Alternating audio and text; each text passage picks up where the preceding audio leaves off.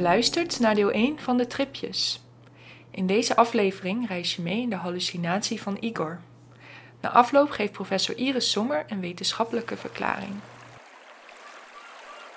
Ik was laatst op vakantie naar Gran Canaria. En op een gegeven moment moest ik natuurlijk ook weer terug. We hadden een vlucht die om kwart voor zeven ochtends ging en we zaten al best ver van het vliegveld. Wat erin resulteerde dat ik uiteindelijk had doorgehaald, dus ja, niet had geslapen.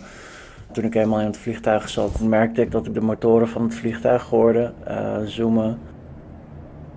Ik merkte dat het gezoem langzamerhand in stemmen veranderde. Een soort van geneurie.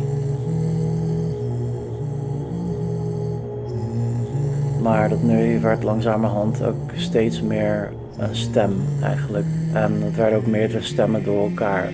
Totdat ik eigenlijk besefte dat ik ja, naar een geheel mannenkoor zat te luisteren. Een soort kerkkoor met geheel nieuwe melodieën die ik nergens van kende. Die ik eigenlijk ook zelf een beetje kon beïnvloeden als ik mijn best deed. Zoals het ware een beetje componeren.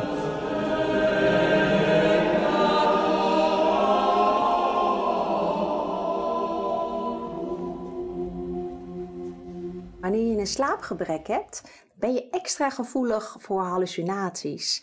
Hoe dat precies komt, weten we nog niet zo goed, maar daar is wel een theorie over.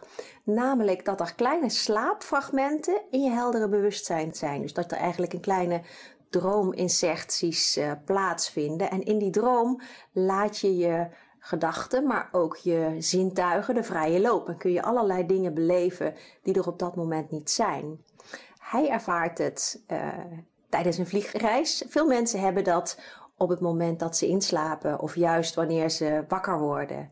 En wanneer je mensen maar lang genoeg hun slaap onthoudt, dan krijg je op die manier iedereen aan het hallucineren.